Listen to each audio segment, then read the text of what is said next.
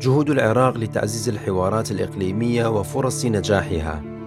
يعمل رئيس الوزراء العراقي الحالي مصطفى الكاظمي منذ تولي مهامه في مايو 2020 إلى إعادة النظر في السياسات الخارجية للدولة العراقية والتي من شأنها إعادة العراق إلى نقطة التوازن في إدارة الملفات الخارجية سواء مع العمق الاستراتيجي العراقي وهو الدول العربية من ناحية أو مع الجوار الإقليمي الذي يشمل العلاقات مع تركيا وإيران من ناحية ثانية أو في علاقات العراق مع القوى الدولية التي تمتلك الكثير من التأثير داخل الساحة العراقية مثل الولايات المتحدة الأمريكية. مرحبا بكم في حلقة جديدة من بودكاست في عشرين دقيقة. نتحدث فيها عن جهود العراق لتعزيز الحوارات الإقليمية ونزع فتيل الأزمات وإمكانية نجاح هذه الحوارات وكيفية انعكاسها على الوضع العراقي الداخلي بصورة أو أخرى.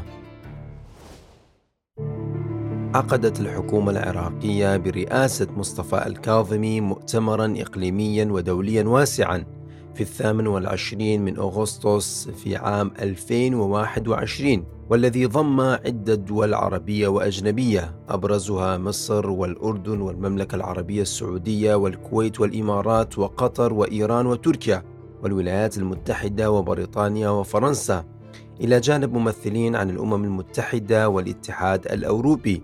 وجاءت هذه القمة ضمن محاولات التي تقوم بها الحكومة الحالية بهدف تعميق تواصل العراق مع القوى الخارجية والدولية في مجال الشراكة الاقتصادية وإعادة الإعمار ومكافحة الإرهاب وتحقيق الاستقرار الأمني والسياسي. وعملت الحكومة العراقية برئاسة مصطفى الكاظمي عن طريق عقد قمة بغداد إلى التركيز على الأهداف التي تتعلق بالجوانب الاقتصادية وخاصة الاستثمارية والصناعية مع التطرق بطبيعة الحال إلى القضايا المتعلقة بتحقيق الأمن والاستقرار السياسي في ظل المعطيات الداخلية العراقية.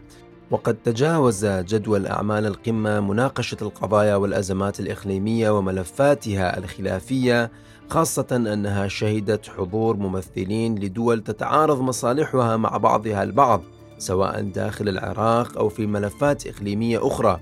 ومن الواضح أن هناك أطراف ودول قد لا ترحب بحالة التقارب التي نجحت حكومة الكاظمي في تحقيقها. سواء مع مصر والأردن بدفع مستوى التنسيق والعلاقات الاقتصادية من ناحية أو مع السعودية ودول الخليج الأخرى من ناحية ثانية وهي الدول التي تحاول إبقاء العراق معزولا عن محيطه العربي لأن تقاربه يمثل بالضرورة خصما من حالة الهيمنة التي تفرضها عليه منذ عقود. وتنطلق رؤية الحكومة الحالية برئاسة مصطفى الكاظمي من هذه القمة وغيرها باعتبارها تعكس واقع محاولات العراق لاستعادة حالة توازن الدولة التي افتقدها منذ سنوات طويلة بعد 2003 والتي يتركز هدفها الرئيسي ليس فقط في لعب أدوار إقليمية ملموسة بقدر ما يتركز في أن تؤدي هذه السياسات المتبعة إلى تفاعلات إقليمية ودولية قد تخدم الداخل العراقي وتساهم في تعزيز العلاقات الاقتصادية والسياسية داخل العراق حيث لا تزال الحكومة العراقية تبحث عن طرق لتحقيق الاستقرار الأمني والنمو الاقتصادي. وسبل فرض سيادتها في مواجهة التدخلات الخارجية والسلاح المنفلت وأيضا في مواجهة الميليشيات التي تقوم بالاستقواء على الدولة. وهذه الأمور ومعالجة هذه الملفات بلا شك تتطلب جهودا داخلية وأيضا أدوار إقليمية إيجابية لمساعدة الدولة العراقية على تجاوز ومعالجة هذه الملفات المهمة والحساسة التي لا تؤثر فقط على الداخل العراقي بل على المحيط الإقليمي أيضا. ومن ضمن هذه الجهود أيضا نجحت الحكومة العراقية في احتضان سلسلة من المفاوضات والحوارات بين المملكة العربية السعودية وإيران في محاولة لتقريب وجهات النظر وبناء حلقة وصل بين الطرفين حيث أعلن وزير الخارجية الإيراني أمير عبد اللهيان عن قرب عودة العلاقات بين الرياض وطهران وكشف مصدر عراقي مطلع لصحيفة الشرق الأوسط أن الإعلان عن إعادة العلاقات بين المملكة العربية السعودية وإيران من المتوقع. أن يتم في بغداد بحضور مسؤولين من السعودية وإيران وبمشاركة رئيس الوزراء مصطفى الكاظمي ووزير الخارجية العراقي فؤاد حسين. وأضاف المصدر أن المباحثات التي أجراها رئيس الوزراء الكاظمي خلال زيارته إلى جدة وطهران أسفرت عن حسم العديد من الملفات التي كانت عالقة بين البلدين وهو ما يمكن أن يساعد على تخفيف التوترات في عموم المنطقة. كما أشار وزير الخارجية الإيراني أمير عبد اللهيان من دمشق أن طهران ترحب بعودة العلاقات مع السعودية وترحب بإعادة فتح السفارات وبدء الحوار السياسي أيضا. ويقول الدكتور حسين علاوي مستشار رئيس الوزراء العراقي في حديثه لصحيفة الشرق الأوسط حول هذه المساعي أن مسعى العراق عبر ما بذله رئيس الوزراء مصطفى الكاظمي من جهود إنما يهدف إلى وصول المنطقة إلى مرحلة الوئام الإقليمي والاستقرار والتعاون والتنمية مبينا أن المساعي الحميدة التي قادها العراق في استعادة استقرار المنطقة من خلال مبادرة الحوار السعودي الإيراني لخفض التصعيد وتطبيع العلاقات التي انقطعت بين البلدين منذ عام 2016 إنما تأتي في هذا السياق وهو ما دفع الكاظمي إلى القيام بلعب هذا الدور منذ انطلاقة أول مباحثات غير معلنة بين الطرفين في التاسع من إبريل نيسان 2021 ويضيف علاوي أن نجاح الجولة الأولى برغم ما بدا من صعوبات في البداية بسبب تراكم الأزمات وما رافقه من شحن إعلامي وسياسي أثمر عن عقد أربع جولات أخرى لهذا الحوار. الذي كان ناجحا منذ بدايته الأمر الذي جعل الجانبين السعودي والإيراني يواصلان عقد الجولات الحوارية التي بلغت خمسة جولات حتى تم الإعلان عنها عبر وسائل الإعلام وهو ما عبر عنه رئيس الوزراء مصطفى الكاظمي من خلال مؤتمر صحفي. وأوضح علاوي أن جولات الحوار تلك التي كانت في مجملها أمنية مهدت لحوار سياسي يتوقع أن يكون ناجحا انطلاقا من مقدماته التي يجري التعبير عنها عبر التصريحات الرسمية في كلا البلدين فضلا عن البلد الذي رعى هذه المفاوضات وهو العراق حيث أننا يمكن أن نقول إنها نقلت مسار العلاقات السعودية الإيرانية إلى مرحلة تفاهم وتبادل وجهات النظر. بالعديد من القضايا الإقليمية ووضع مسارات الحلول والمبادرات الاستراتيجية لها. وأكد علاوي أيضا أن العراق يسعى إلى استقرار المنطقة كونه مقبلة على تحولات اقتصادية من حيث المشاريع الكبرى في مجال نقل الطاقة والكهرباء وتوفير الأمن الغذائي ومواجهة ندرة المياه والتغيرات المناخية. وهذا ما يتطلب تعاون مشترك بين الدول في المنطقة التي تحتاج إلى شراكة كبيرة وتعاون مستمر.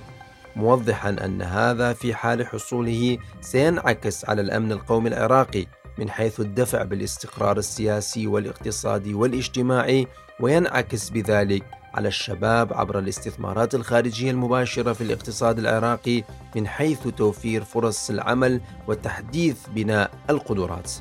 وللمزيد حول هذا الموضوع نتحدث مع الخبير الاستراتيجي والأمني الأستاذ معن الجبوري. ونسأله اولا خلال الفترة الماضية كانت هناك جهود من قبل الحكومة العراقية برئاسة مصطفى الكاظمي لتهدئة الأجواء الإقليمية وتعزيز الحوارات بين الدول منها التوسط بين المملكة العربية السعودية وإيران. كيف ترى هذه الجهود وكيف تقيمها اولا؟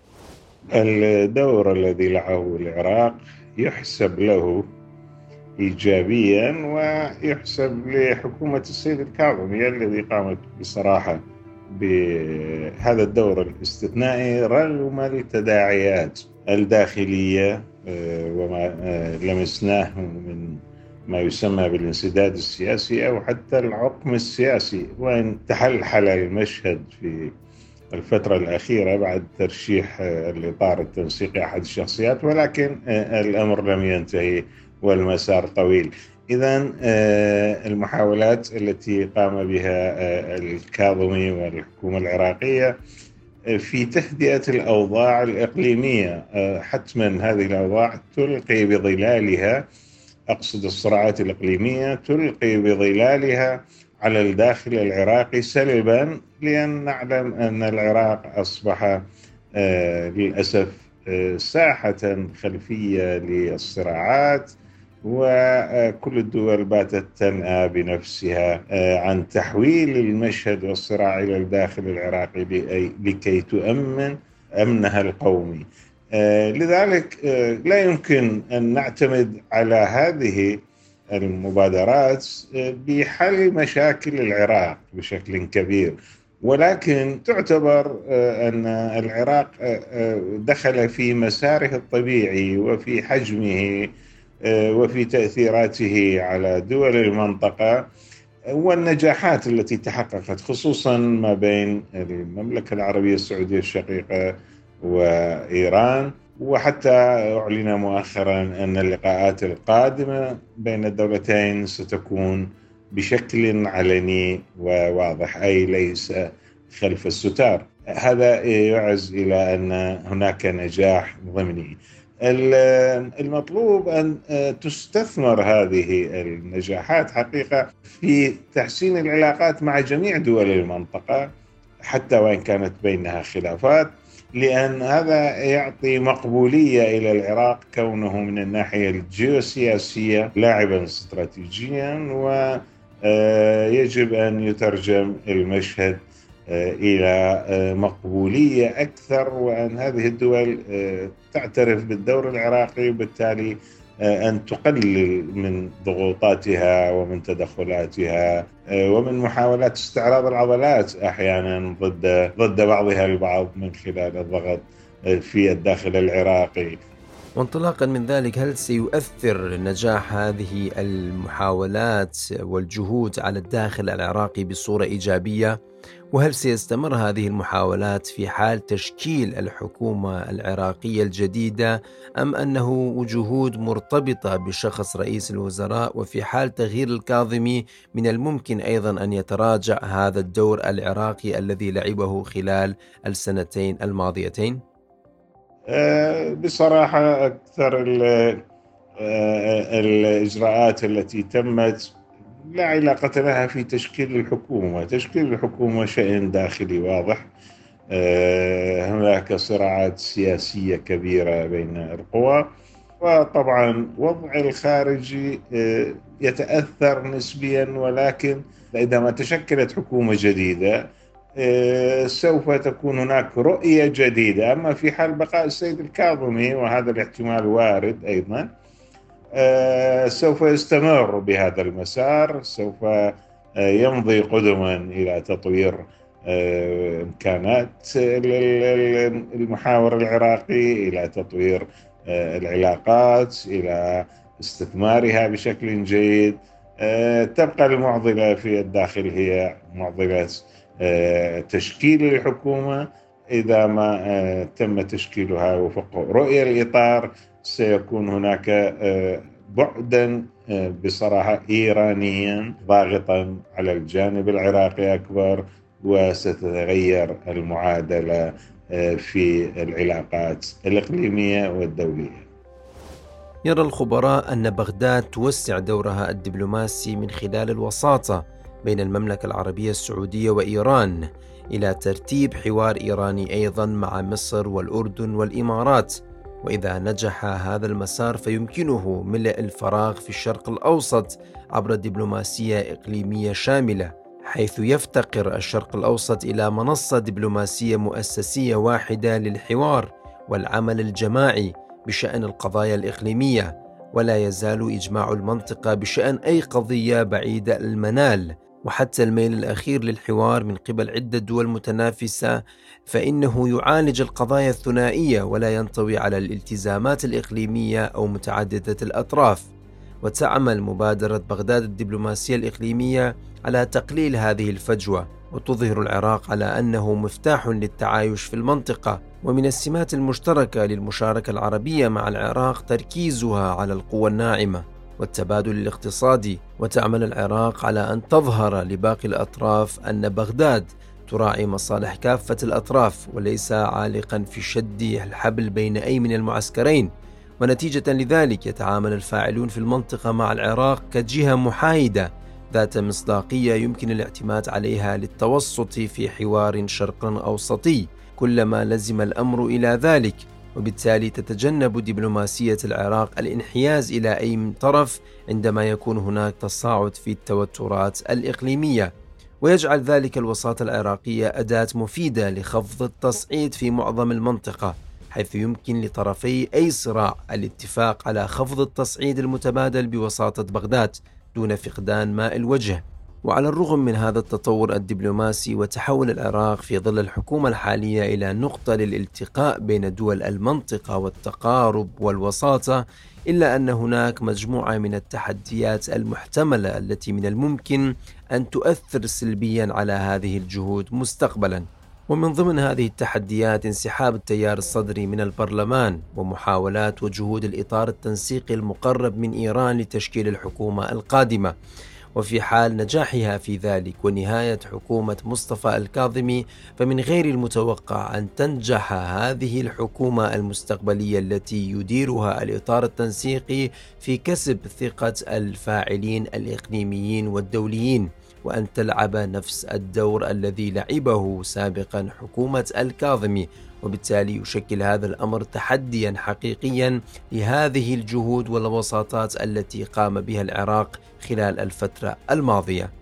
إضافة إلى ذلك فإن معضلات وتشابكات العلاقات العربية الإقليمية المتعددة والتي لا يمكن حصرها في الملف العراقي فقط فحجم ونطاق الإشكاليات بين المسار العربي وبين المشروعين الإيراني والتركي وأيضا المشروع الإسرائيلي في المنطقة متعدد الحلقات.